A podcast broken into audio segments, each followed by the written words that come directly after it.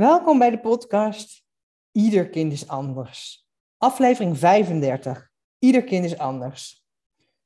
Met regelmaat vertellen ouders in de praktijk: wat werkt voor mijn oudste, werkt niet voor mijn jongste. Of ik snap niks van mijn kind. Hoe kan het dat hij zich altijd terugtrekt als we naar een feestje gaan? Wij zijn dol op druk, drukte en feestjes. Of met mijn jongste kan ik lezen en schrijven. Met mijn oudste bots ik. Ieder mens is uniek. Dat zeggen we eigenlijk altijd, Edith. En ieder kind is ook uniek. En iedereen wordt met een eigen temperament geboren. En binnen het gezin krijg je het wereldbeeld en de normen en waarden mee die daar gelden. En samen met alle ervaringen die je opduwt, zorgt dit voor een uniek karakter. En de opvoeding die jij als ouders geeft, vloeit voort uit je eigen opvoeding. Wat is het voorbeeld die je gehad hebt? Als je ontevreden bent, Contraspiegel je je eigen genoten opvoeding of ga je op zoek om het anders te doen? En luister je onder andere naar deze podcast. En zo geeft iedereen zijn eigen unieke opvoeding. En jouw unieke kind, jouw unieke opvoeding en jij als unieke ouder kunnen matchen met elkaar, maar kunnen ook met regelmaat botsen. En hetzelfde geldt voor de karakters van broertjes en zusjes. En dat is eigenlijk heel normaal. De uitdaging is om in de momenten dat jullie botsen niet gelijk te reageren, waardoor het unieke karakter van je kind er mag zijn, maar ook jouw unieke karakter er mag zijn. Wil je leren hoe jij het karakter van jouw unieke kind kan omarmen? Wil je zien welke karaktereigenschappen van je kind jou het meest raakt? En wil je leren wat jouw unieke kind of kinderen van jou en eventueel van elkaar nodig hebben? Antwoorden op deze vragen en meer. Je hoort het in deze podcastaflevering. Welkom bij de podcast van Gelukkig Kind over opvoeden waar je het verschil kan maken, niet alleen voor je kind, maar ook voor je hele gezin. Zodat het gezin krijgt waar jij als vader of als moeder tijdens de zwangerschap van droomde. Een gelukkig kind krijg je niet alleen door overvloed aan positieve ervaringen. Juist door ook samen door de dalen van het leven te gaan en vervolgens weer in de balans te komen. Leert het kind zijn leven te leven. Ontdekt het kind wat geluk is. Wij zijn twee zussen, Birgit en Edith Steins we hebben samen meer dan 30 jaar ervaring in het geven van kinderen, jongerentherapie en oudercoaching. Opvoeden kan je plezier en voldoening geven. Kinderen hebben ons laten zien wat ze van ouders nodig hebben om de problemen op te lossen en vaak ook de problemen voor te zijn.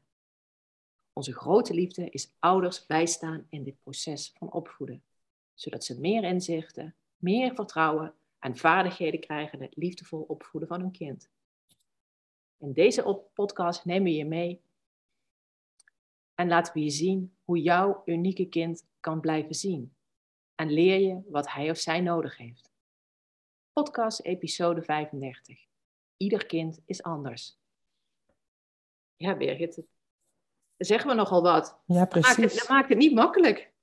Nee, dat is ook zo. Maar soms, weet je wat het ook is? Je, om de unieke positieve eigenschappen van je kind te omarmen is vaak makkelijk. Dat lukt vaak. Precies, ja. En de negatieve eigenschappen zijn ook een uitdaging. Maar hoe komt dat eigenlijk? Hmm. Daar willen we het eigenlijk over hebben vandaag. Belangrijke podcast dus.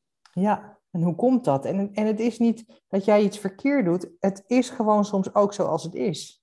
En hoe kan jij daar een manier voor vinden om daarmee om te gaan? Ja, dat is waar we het over gaan hebben. Precies, dat heb je natuurlijk hetzelfde als je kijkt naar je ouders met de ene ouder kon je het mogelijk beter vinden dan met de andere ouder. En je wist ook precies wanneer je bij welke ouder moest zijn om iets voor elkaar te krijgen. Precies. Had ook te maken met die unieke karakters. En ook dat je, dat je ja, je, je was slim. Dat voelde je als kind feilloos aan.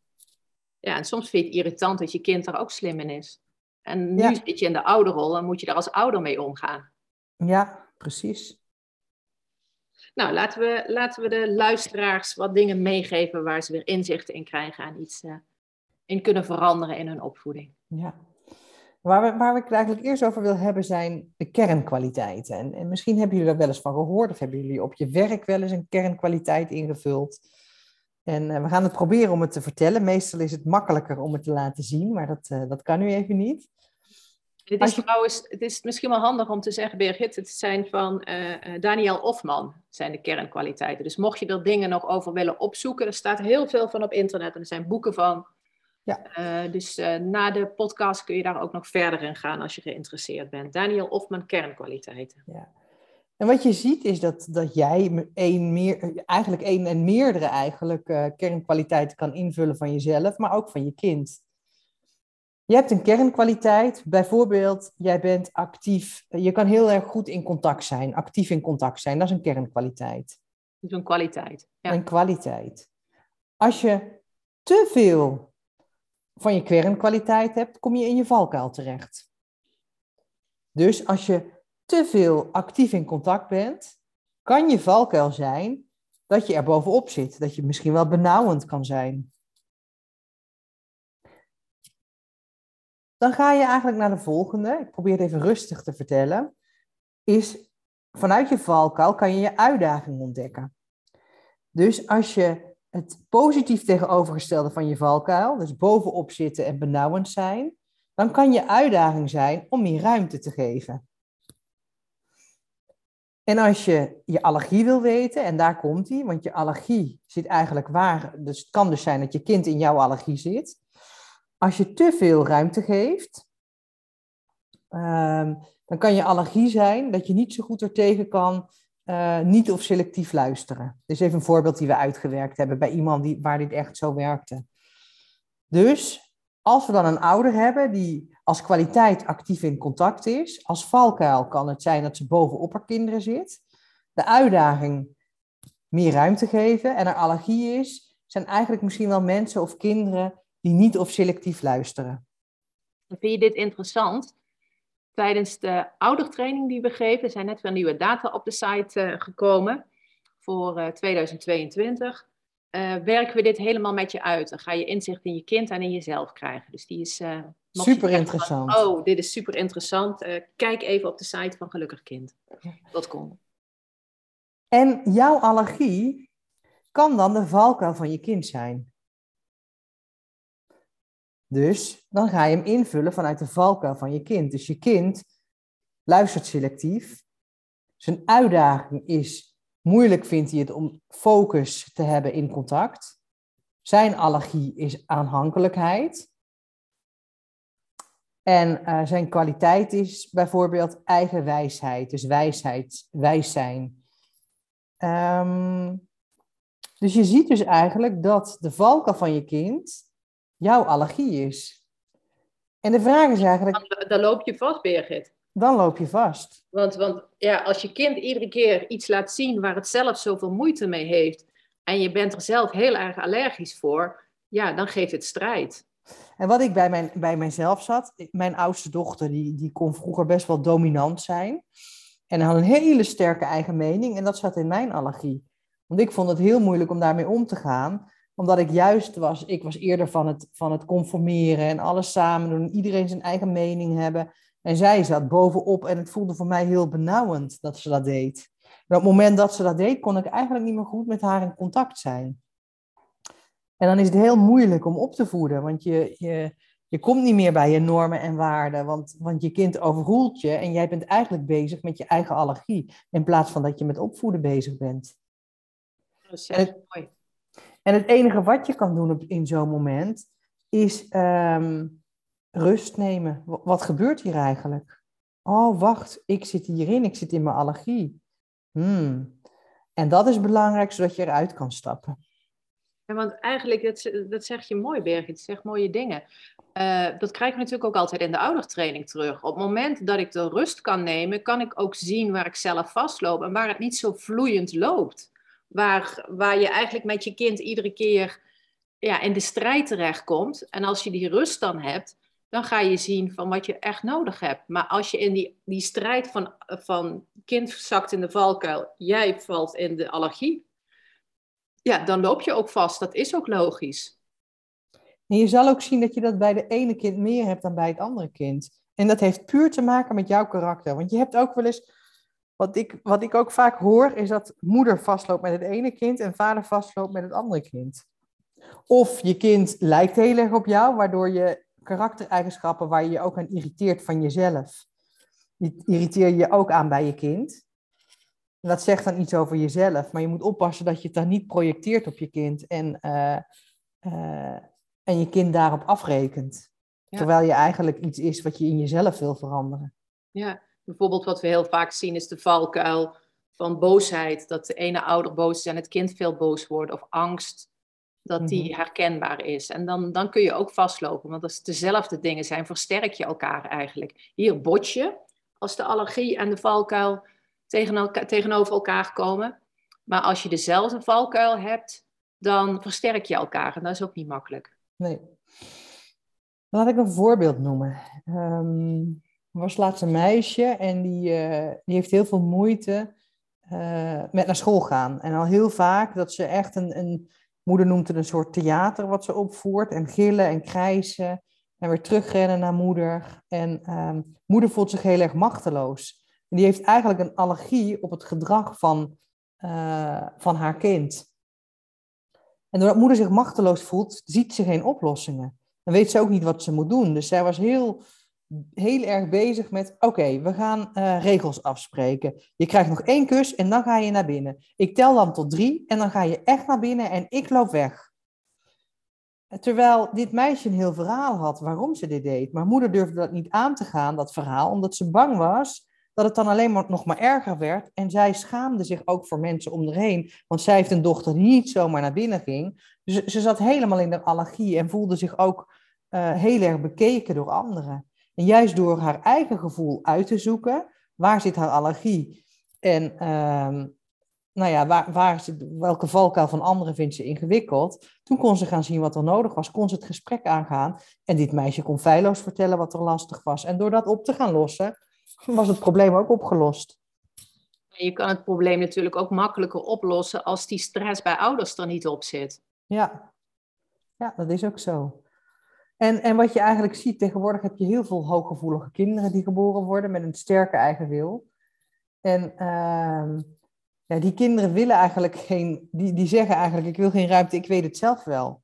En uh, ze hebben eigenlijk... Die willen geen grenzen. Geen grenzen, sorry. Ja. En ze hebben heel veel ruimte nodig. Uh, en als ze het gevoel van die ruimte niet krijgen, komen ze gigantisch in opstand.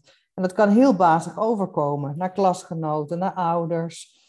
Dus het is heel in, naar zusjes. Dus het is eigenlijk een extra uitdaging hebben veel ouders tegenwoordig. Van hoe kan jij omgaan met deze kinderen? En op het moment dat dit in jouw allergie zit, hè, dus kinderen met, dat heb ik zelf dus ook ervaren met mijn dochter. Uh, dan moet je echt kijken hoe kan ik eruit stappen en hoe kan ik die rust nemen en kijken wat hier nodig is. Want ook deze kinderen hebben grenzen nodig overigens. Iedereen heeft grenzen nodig. Dat zei je gisteravond ook zo mooi tijdens de masterclass, Birgit over hoe je met je oudste dochter daarmee omgegaan was met betrekking tot uh, grenzen en ruimte. Met die mogelijkheden en onmogelijkheden. Ja. Dus wat ik eigenlijk, wat deze kinderen heel erg nodig hebben, is dat je ze, uh, je kaders zijn belangrijk, uh, maar je moet eigenlijk kijken wat zijn de mogelijkheden en wat zijn de onmogelijkheden. En dan heeft het kind het gevoel dat het behoorlijk ruimte krijgt, maar je geeft wel kaders, waardoor um, waardoor ze ook het gevoel hebben dat zij de grip hebben en, en eigenlijk de keuze maken. En dat voelt voor, voor deze kinderen heel erg fijn. En uh, nu zit ik heel even te zoeken naar een voorbeeld.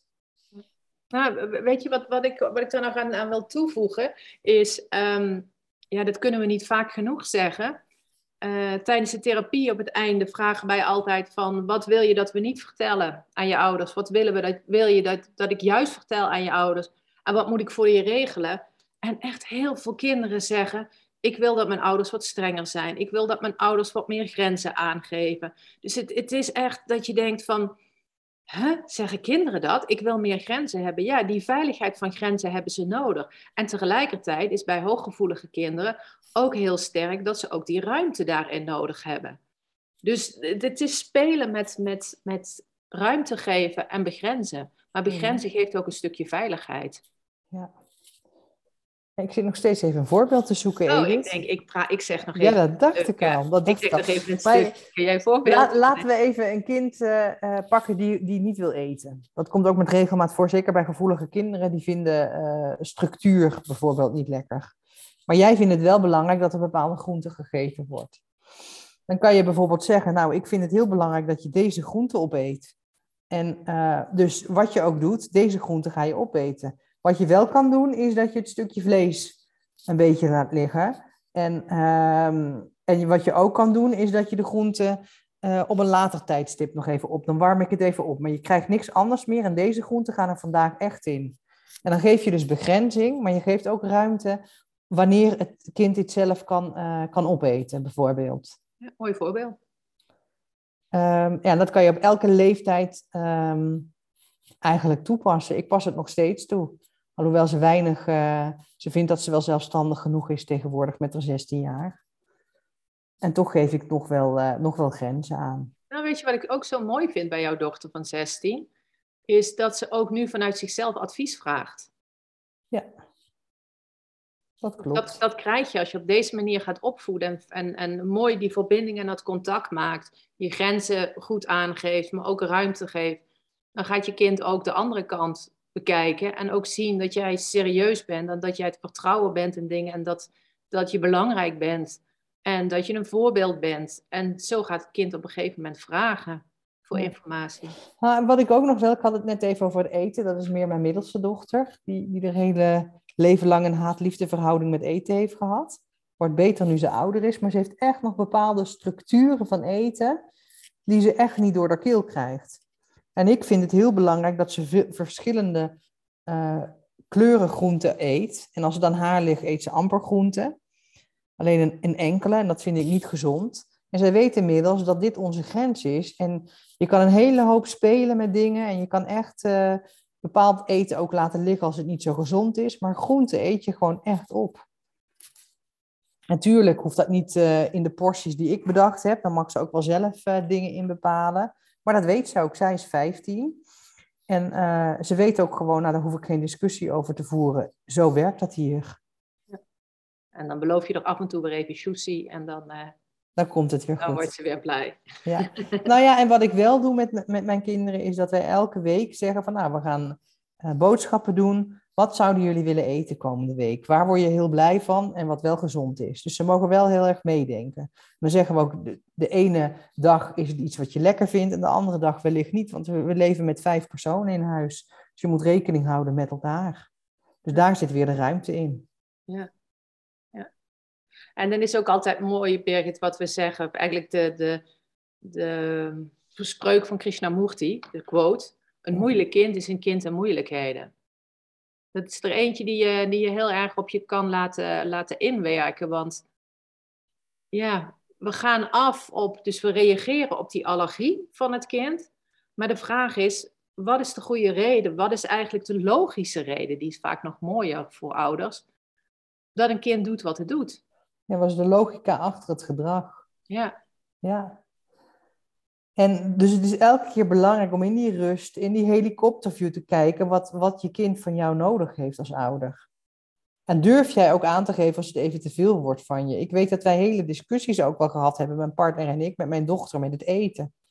En dat we daar echt wel over gepraat hebben. Wat, wat vinden wij hier nou van en wat willen we? En pas als wij onzeker zijn over de grens die we geven, ja, dan gaat ze daarmee spelen. Maar als wij bij ons standpunt blijven, ja, dit vinden wij dus echt belangrijk. Dit hoort bij onze normen en waarden. Dan houden we hier ook aan vast. En het is ook interessant daarin, Birgit, van dat ouders vaak vragen: moeten we allebei dezelfde mening hebben? Nou, het gaat erover als je partner, dus in dit geval als, als jij, Birgit, daar uh, aan wil vast wil houden en jouw partner uh, die gaat er overheen roelen, ja, dan kom je er niet. Maar als hij jou gaat ondersteunen op het moment dat jij het naar voren brengt, dat is wat je moeder wil. En uh, als wij met z'n twee eten, kan het best even wat anders zijn. Maar we eten nu met z'n allen en, en je moeder is erbij en dat vindt je moeder belangrijk. Dus het kan ook zijn dat je de ander steunt in wat hij zegt en dat je er zelf niet helemaal achter staat, maar wel de ander steunen. Ja. Dus het gaat er eigenlijk om uh, dat je de positieve en ook de negatieve karaktereigenschappen van je kind kan omarmen. Ja. En als je dat kan, dan kan jij mee gaan spelen. En dan kan je kind zien wie hij of zij is en in zijn kracht gaan zetten. En hem leren uitdagingen aan te gaan. En, um, want het gaat er eigenlijk om dat jij je kind leert hoe het leven werkt uiteindelijk.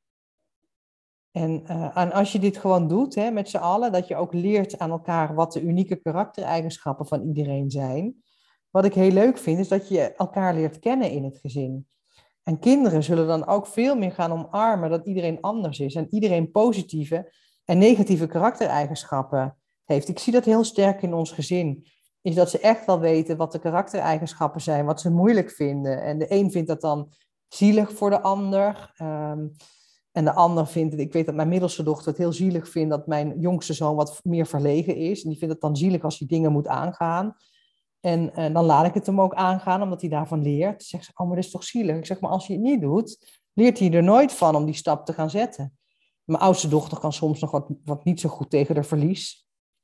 Mijn middelste dochter, die vindt het eten nog steeds een beetje lastig. Maar ja, doordat, doordat je dat weet van elkaar en er geen lading op legt, mag het er ook zijn. En wordt daar niet gek over gedaan of geen grapjes over gemaakt. Het, het is er. Ja, en zij weten ook wat jullie valkuilen is. Ja, ik kan af en toe stress hebben als ik te veel uh, hooi op mijn vork neem. En dat benoemen ze ook. En dat vond ik heel mooi. Mijn dochter komt gisteren, um, ze ging werken. En ze zegt, mama, ik voel stress in mijn lijf. En ik wil straks even met je uitzoeken wat die stress is, want ik wil het oplossen. Dus ze blijven ook niet zitten in dat gevoel. Ik zeg maar, wat denk je dan dat het is? Nou, ik moet wat opdrachten voor school maken. En uh, ik vind ook wat opdrachten moeilijk en ik denk dat het daar zit. Maar ik ga eerst werken en dan praat ik er met je over. Nou, prima. Ze komt terug van werk en ze werkt in de supermarkt. Ze vult vakken. En ze zegt, het is al wel ver opgelost, want ik heb er veel zelf over kunnen nadenken toen ik de vakken aan het vullen was. En toen had ze een heel plan hoe ze het ging uitvoeren. Ik zeg, nou, dat heb je mooi opgelost voor jezelf. Dus ze durven ook hun negatieve karaktereigenschappen, durven ze ook te benoemen en uit te pluizen wat ze nodig hebben om het om te keren. Dus eigenlijk iedere keer wel mogelijkheden zien en keuzes maken. Ja. ja. Op het moment dat je in de onmogelijkheden blijft zitten, ja, dan blijf je in die, die, uh, die valkuilallergie uh, situatie zitten van jou en je kind. En dan zie je dus ook hè, dus dat je je kind met uitdagingen, dat je ze eigenlijk uitdaagt om een uitdagingen aan te gaan. Ja. En, en ze op te lossen. Ja. Hey, wat, wat kunnen we de ouders nog, uh, nog meegeven hierin? Dus we hebben gezegd het boek van Daniel Hofman. Uh, of uh, op de site van de, kijken, op kernkwaliteiten aan Daniel Hofman. Het is oh, vaak ja. moeilijk om in te vullen. Het is ook als wij opleiding en training geven, dan um, uh, moeten we ook altijd goed begeleiden om dat in te zien. Maar vaak als je even feeling ermee hebt, dan, dan kun je daarin in doorpakken. En maar terwijl we dat zeggen, Birgit, is, ja, het, het, zou ook mooi zijn voor deze ouders om aan de zesdaagse oudertraining mee te doen. Ja, want wat je dan eigenlijk doet, is dat je echt gaat uitzoeken hoe jouw kernkwadrant eruit ziet en het kernkwadrant van je kind. En natuurlijk hebben we het nog over heel veel andere dingen in de training, over opvoeden, over grenzen en ruimte over boosheid van je kind. Over, Zelfvertrouwen uh, vergroten, ja. zelfredzaamheid vergroten. Ja, waarin we eigenlijk de tools geven die wij bezitten, willen we eigenlijk aan ouders geven. Zodat je een kind uh, kan, um, in zijn hele ontwikkeling kan begeleiden. Zodat het zelfstandige volwassenen worden. Dat is eigenlijk ons uiteindelijke doel uh, in ja. de training. En, en dan doen we de masterclass nog als voor degene die nog extra willen verdiepen, die we gisteravond ja. hadden. Die zitten er ook nog bij. Dus kijk eens op gelukkigkind.com en dan bij producten. En dan zie je de, de oudertraining. En de nieuwe oudertrainingen staan er weer op. Dus mocht je interesse hebben om mee te doen.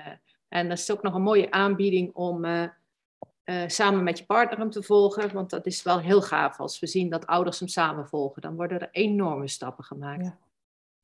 Cadeautje voor je kind. Ja, precies. En voor jezelf. Ja. Ja. Hey, en, uh, ja, en ze kunnen natuurlijk altijd naar de wekelijkse webinars. Op gelukkigkind.com zie je een kopje webinars. En daar uh, wekelijks, uh, we wisselen nu iedere maandag. Dat deden we eerst iedere vrijdag. En daar kun je net zoals als met de podcast kun je naar luisteren. Maar dan zie je ook beelden en dan zie je ons ook erbij. Dus dat is weer een hele andere. Dus wat, wat heeft jouw voorkeur? En zeg je van, nou, ik wil niks missen meld je dan aan voor de nieuwsbrief op gelukkigkind.com. En, um, ja, en wie weet gaan we elkaar een keer zien. Het is altijd, het is altijd leuk om te zien. De podcast wordt heel goed beluisterd. En uh, het is altijd leuk om te zien welke ouders daar op een gegeven moment achter zitten. Dus wie weet gaan we je een keer ontmoeten. Nou, heel veel succes gewenst en tot de volgende keer. Dag!